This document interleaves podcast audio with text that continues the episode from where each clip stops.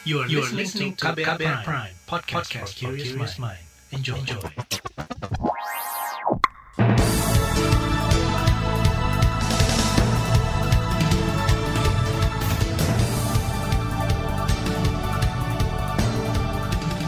Selamat pagi saudara, senang sekali kami bisa menjumpai Anda kembali melalui program Buletin Pagi edisi Jumat 2 Juli 2021. Bersama saya, Naomi Liandra. Sejumlah informasi pilihan telah kami siapkan, di antaranya Indonesia terapkan PPKM darurat mulai 3 hingga 20 Juli mendatang. Pandemi meluas, Muhammadiyah tak rekomendasikan pelaksanaan sholat Idul Adha. Pencarian korban KMP Yunis diperluas. Inilah Buletin Pagi selengkapnya. Terbaru di Buletin Pagi. Pemerintah Indonesia akhirnya menerapkan pemberlakuan pembatasan kegiatan masyarakat atau PPKM darurat – PPKM diterapkan untuk membendung penyebaran COVID-19 yang meningkat hampir dua pekan terakhir. Dalam pengumumannya, Presiden Joko Widodo menyebut PPKM darurat 3 hingga 20 Juli mendatang di Pulau Jawa dan Bali. Setelah mendapatkan banyak masukan dari para menteri, para ahli kesehatan, dan juga para kepala daerah, saya memutuskan untuk memberlakukan PPKM darurat sejak tanggal 3 Juli hingga 20 Juli 2021, khusus di Jawa dan Bali.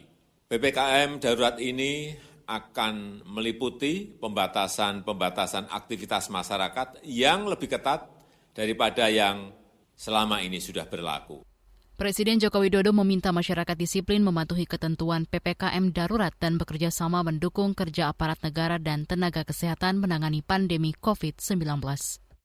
Pemerintah melalui Kementerian Luar Negeri juga mengeluarkan instruksi Mendagri sebagai payung hukum pemberlakuan PPKM darurat di Jawa Bali. PPKM darurat mewajibkan skema bekerja dari rumah 100 persen untuk sektor non-esensial. Adapun perkantoran di sektor esensial seperti keuangan dan perbankan, pasar modal, sistem pembayaran, teknologi informasi dan komunikasi, perhotelan non-penanganan karantina COVID-19, serta industri orientasi ekspor. Sektor esensial ini dapat menerapkan kerja dari kantor dengan kapasitas 50 persen disertai protokol kesehatan.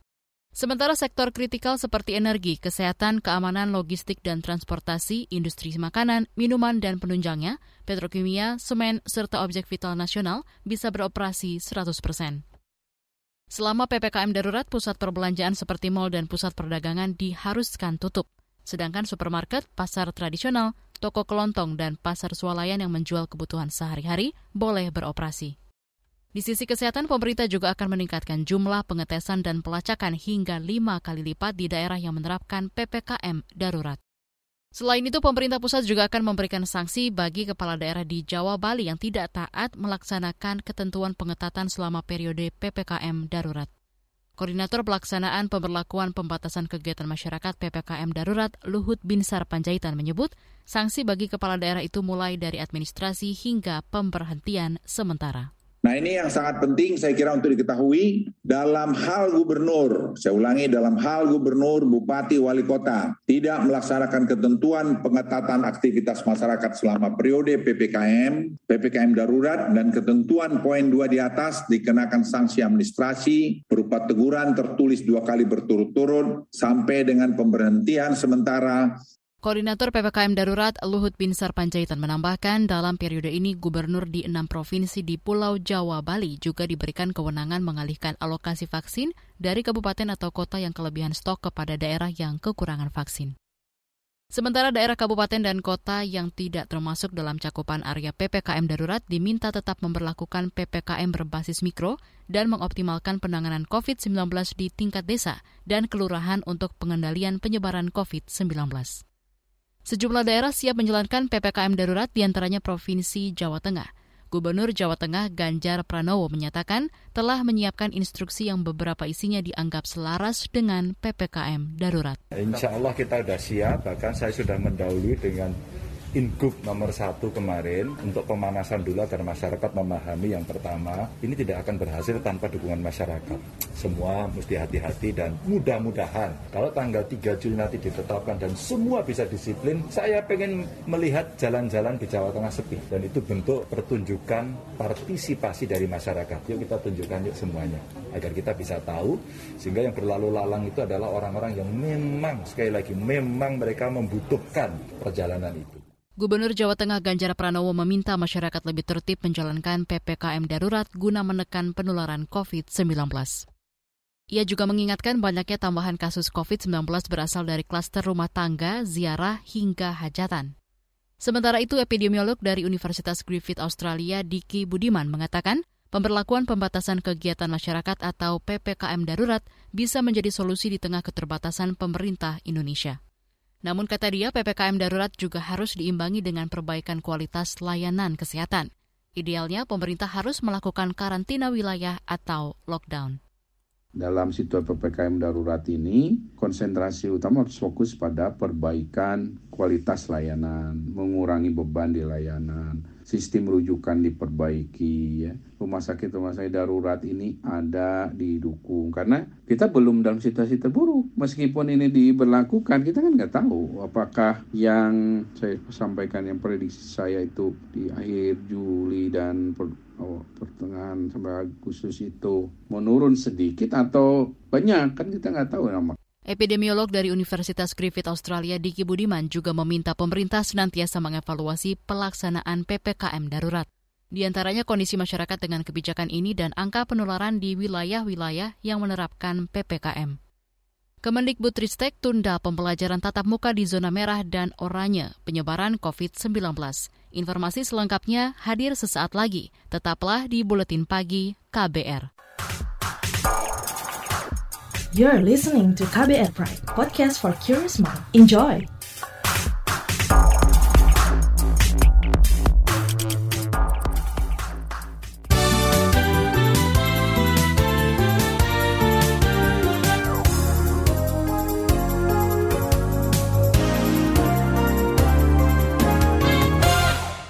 Anda sedang mendengarkan Buletin Pagi KBR.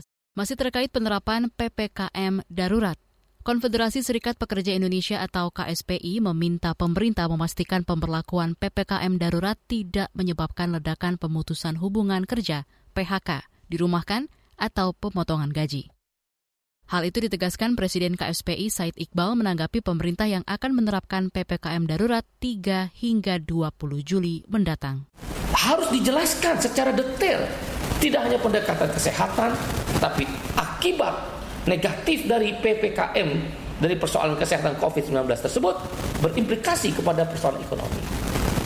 Kalau banyak buruh yang dirumahkan, bahkan mungkin terancam PHK seperti kasus gelombang pertama, maka bisa dipastikan daya beli buruh akan turun. Said Iqbal yang juga pengurus Pusat Organisasi Buruh Dunia ILO menyebut, berkaca pada awal terjadinya pandemi, banyak buruh yang dirumahkan dan kehilangan pekerjaan.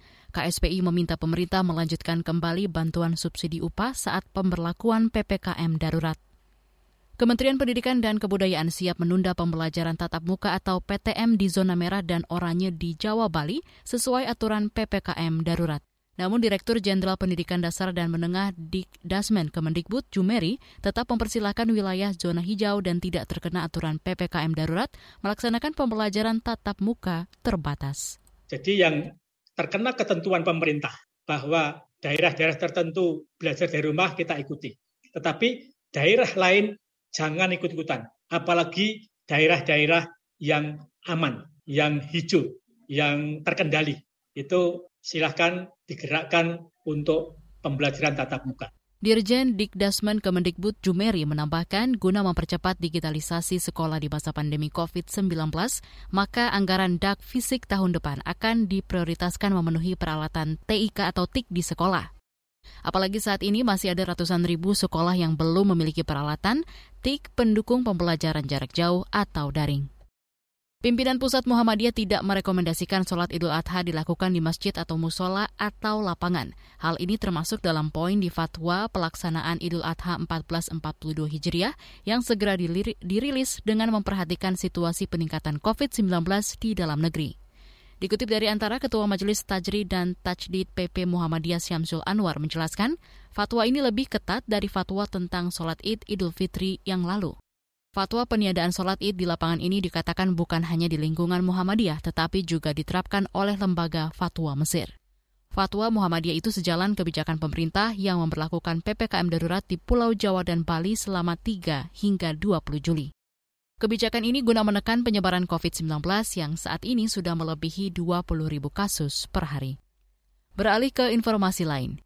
Saudara Presiden Joko Widodo meminta anggota kepolisian tampil sebagai pengayom masyarakat.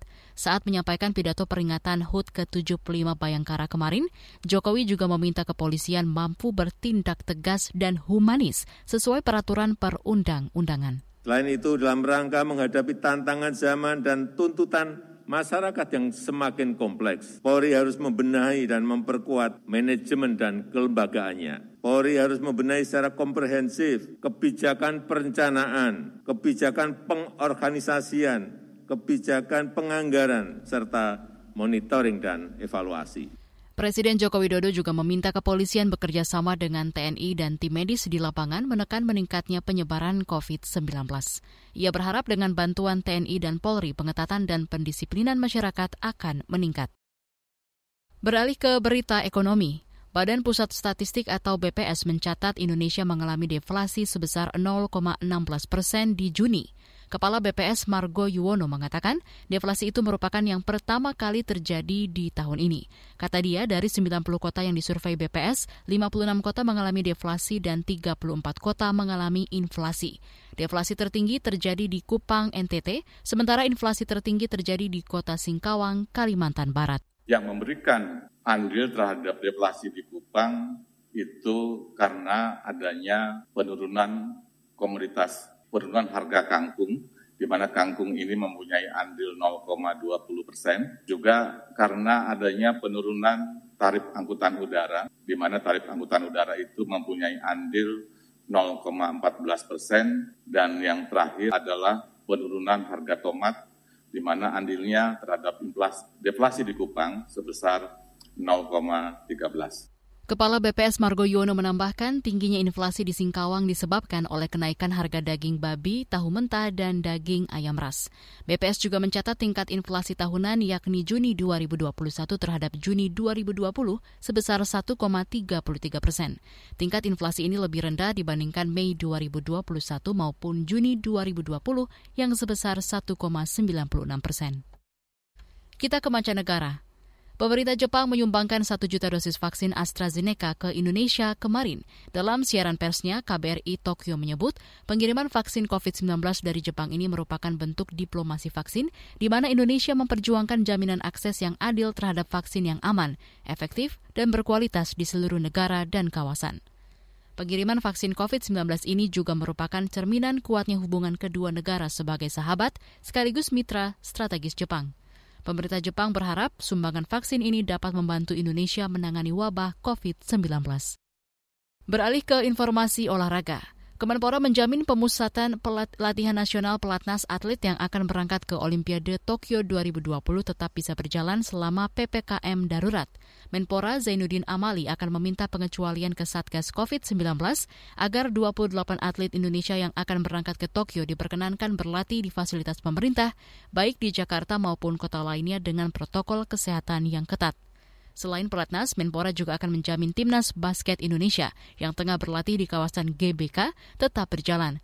Saat ini timnas basket tengah bersiap tampil di kejuaraan FIBA Asia Cup 2021 di Jakarta Agustus mendatang. Saudara, sesaat lagi akan kami hadirkan laporan khas KBR mengenai maraknya penjualan tes usap antigen online. Tetaplah di Buletin Pagi. You're listening to KBR Pride, podcast for curious mind. Enjoy!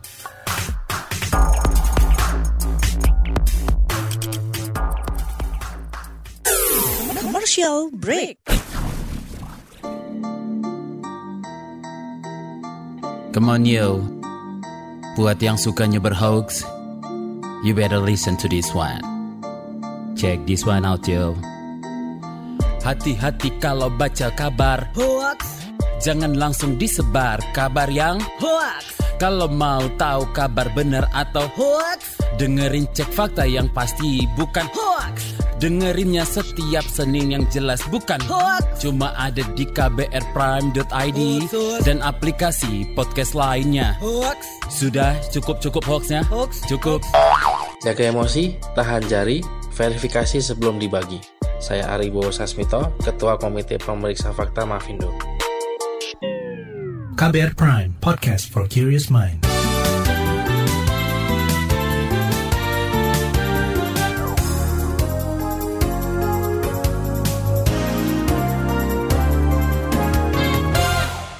Anda masih bersama kami di Buletin Pagi KBR.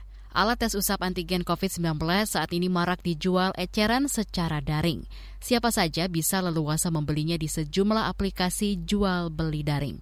Harganya sangat terjangkau, bahkan ada yang menjualnya seharga kurang dari Rp50.000. Amankah penggunaan alat tes swab antigen secara mandiri? Bagaimana pula dengan jaminan kualitas alat itu? Berikut kita simak laporan khas KBR yang disusun Reski Novianto. Saudara, alat tes swab antigen COVID-19 marak diperjualbelikan di internet. Masyarakat bisa menemukannya di berbagai e-commerce besar tanah air. Kementerian Kesehatan sebagai regulator yang mengeluarkan izin edar alat tersebut pun angkat bicara. Pelaksana tugas Dirjen Kefarmasian dan Alat Kesehatan Kemenkes, Arianti Anaya mengatakan, produk yang dijual di lapangan biasanya sudah mendapat izin edar. Meski begitu, Arianti meminta penggunaan alat tes swab antigen tidak dilakukan secara mandiri, tapi harus melibatkan tenaga kesehatan yang profesional. Melakukan layanan uh, antigen, maka itu harus dilakukan oleh tenaga yang sudah terlatih, sudah mendapat pelatihan uh, untuk melakukan tracing. Karena betul tadi disampaikan bahwa kalau yang melakukannya tidak memiliki kemampuan, nah saja terjadi kesalahan. Pelaksana tugas Dirjen Kefarmasian dan Alat Kesehatan Kemenkes, Arianti Anaya mengingatkan, kementeriannya hanya melakukan pelatihan tes antigen kepada tenaga kesehatan di klinik, rumah sakit, dan fasilitas kesehatan lainnya. Karena itu, Arianti berharap masyarakat tidak melakukannya secara mandiri, karena cukup berbahaya. Sementara itu, PT Itama Rano Raya sebagai salah satu distributor alat kesehatan di tanah air menjelaskan hanya menjual alat tes swab antigen ke kalangan tertentu saja. Direktur Keuangan PT Itama Rano Raya Pratoto Raharjo mengklaim alat tes swab antigen dijual hanya ke rumah sakit, klinik maupun subdistributor atau agen di daerah.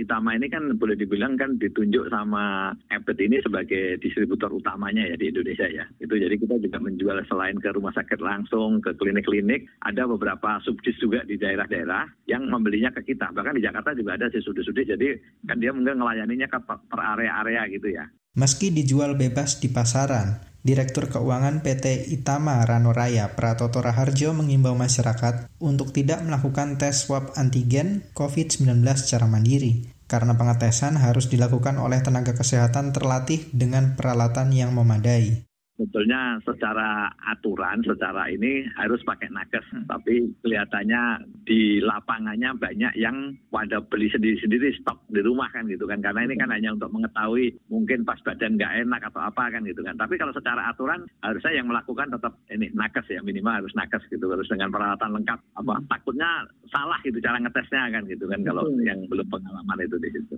Sementara itu, Ketua Satgas COVID-19 Ikatan Dokter Indonesia atau IDI, Zubairi Jurban menyebut, tes swab antigen tidak direkomendasikan untuk dilakukan secara mandiri karena kesalahan dari penggunaan alat tes tersebut bisa menyebabkan hasilnya tidak akan akurat kalau dikerjakan sendiri, beli sendiri, kerjaan sendiri, itu ngambil sampelnya bisa salah. Kalau sampel salah, hasilnya ya nggak bisa dipercaya. Yang kedua, orangnya tidak terlatih. Jadi misalnya, ini karena nggak punya pengalaman, nggak bisa dipercaya hasilnya. Dan itu kan yang menginterpretasi orangnya itu sendiri, yang tidak punya pendidikan dokter.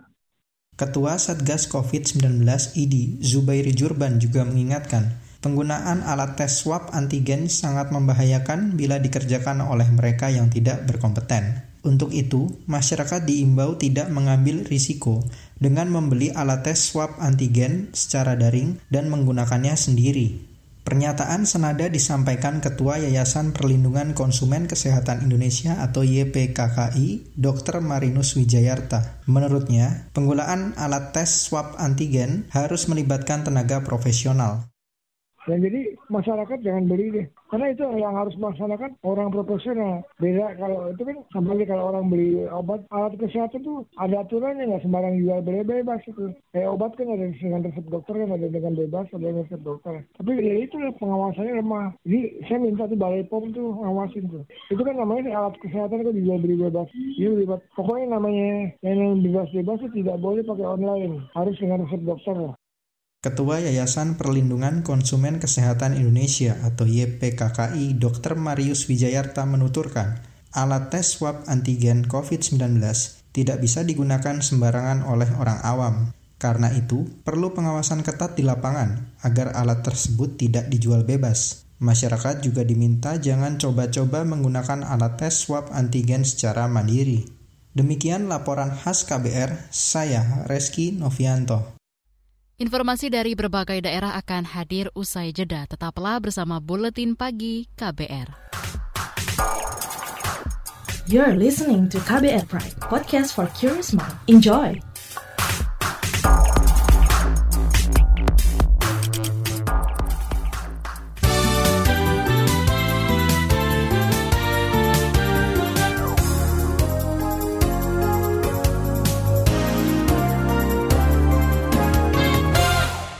Inilah bagian akhir buletin pagi KBR. Kita ke Banyuwangi, Jawa Timur. Saudara, pencarian korban hilang tenggelamnya KMP Yunis di Selat Bali diperluas. Menurut Lanal Denpasar Komang Putu Ardana, lokasi pencarian akan ditambahkan 5 mil dari lokasi tenggelamnya KMP Yunis. Empat kapal milik TNI Angkatan Laut pun dikerahkan menyisir sisi selatan dan utara Bali. Terus kami memang sudah bagi sektor untuk sisi utaranya juga rencana sebutan. Tapi saat ini memang dia lagi mengisi bahan bakar. Ya nanti next juga mungkin dari Karigel juga akan kita gerakkan juga akan gerak bersama untuk tetap mencarikan proses uh, SAR ini. Kita pasti akan mengembang nantinya. Ya karena kaitan dengan pergerakan arus, jadi kita akan mengembang mungkin bisa menuju ke 5 mil ke lebih ke selatan lagi ataupun ke utara. Dan Lanal Denpasar Komang Putu Ardana menambahkan TNI AL fokus mencari 11 penumpang yang dikabarkan hilang dalam peristiwa yang terjadi selasa malam itu.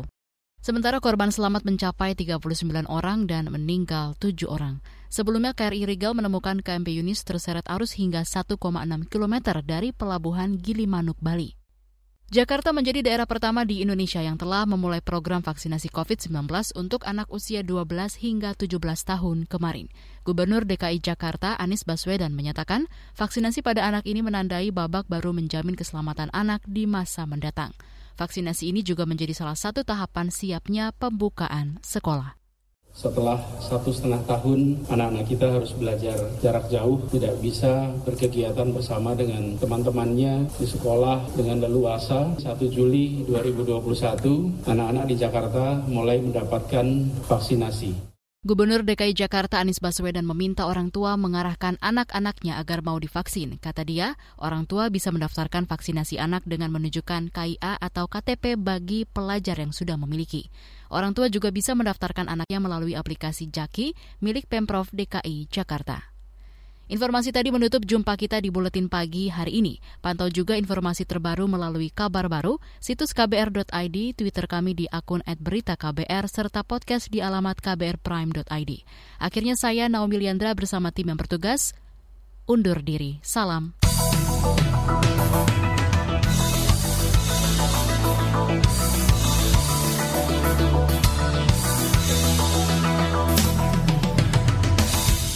KBR Prime, cara asik mendengar berita. KBR Prime, podcast for curious mind.